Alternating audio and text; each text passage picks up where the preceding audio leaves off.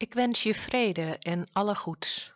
Welkom bij Fioretti, de tweewekelijkse podcast van Stadsklooster San Damiano. Vandaag verzorgd door broeder Ver.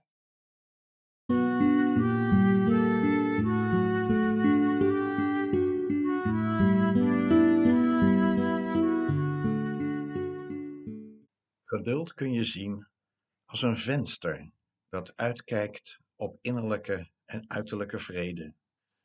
Laat ik maar meteen met de deur in huis vallen.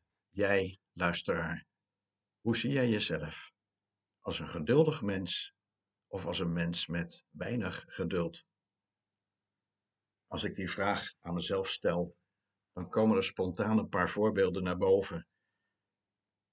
Als ik moet invoegen op de snelweg er zit iemand voor me die maar 80 km per uur rijdt, oei, oei, oei, dan heb ik weinig geduld. En ook als ik aan tafel zit en we met 10 of 11 mensen zitten te eten, dan is er altijd wel één die heel langzaam eet. En dan moet ik proberen toch mijn geduld te bewaren. Veel belangrijker dan deze twee voorbeelden zijn misschien wel mijn ervaringen met vluchtelingen en de IND. Lieve help, wat word je vaak van het kastje naar de muur gestuurd? Wat moet je ongelooflijk lang in de wachtstand staan om iemand te pakken te krijgen? En dan nog lukt het acht van de tien keer niet om je vraag te stellen bij het juiste loket. Geduld, geduld, geduld. Als ik kijk naar Franciscus, wat hij schrijft over geduld, dan weet ik uit de bronnen over zijn leven dat hij nou niet bepaald bekend stond als een geduldig mens. Dat was hij niet van nature. Dat heeft hij moeten leren. Dat wil zeggen, ascese doen, oftewel oefenen, oefenen, oefenen.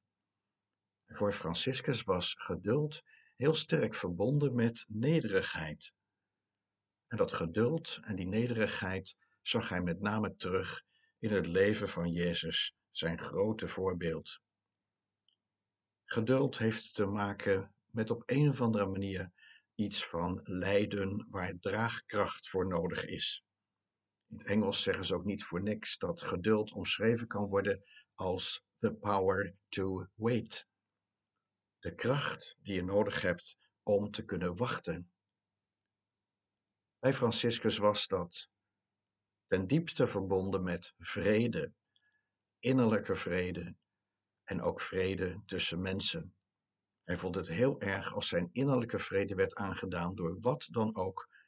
En bijvoorbeeld zoiets als ongeduld, dat was een aanslag op zijn innerlijke vrede.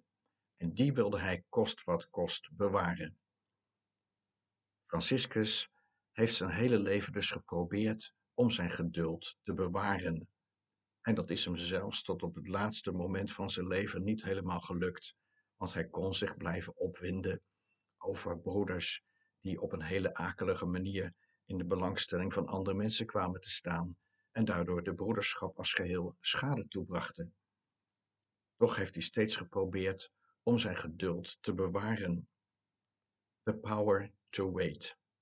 Inspiratie vinden in het leven van Jezus zelf, die zo ongelooflijk veel voor ons gedragen heeft en die zelfs vanaf het kruis op zoek bleef naar vrede.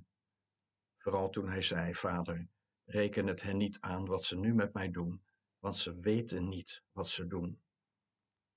Jezus hield vast aan innerlijke vrede, ondanks alles. Daarvoor heeft hij heel veel geduld moeten beoefenen en bewaren. Ook voor ons, denk ik, een uitdaging om steeds weer te kijken waar houdt ons geduld op? Hoe kunnen we daarmee omgaan? Hoe kunnen we meer draagkracht ontwikkelen? Ik wens het je toe, want alles wat bijdraagt aan innerlijke vrede en vrede tussen mensen, het is van harte welkom.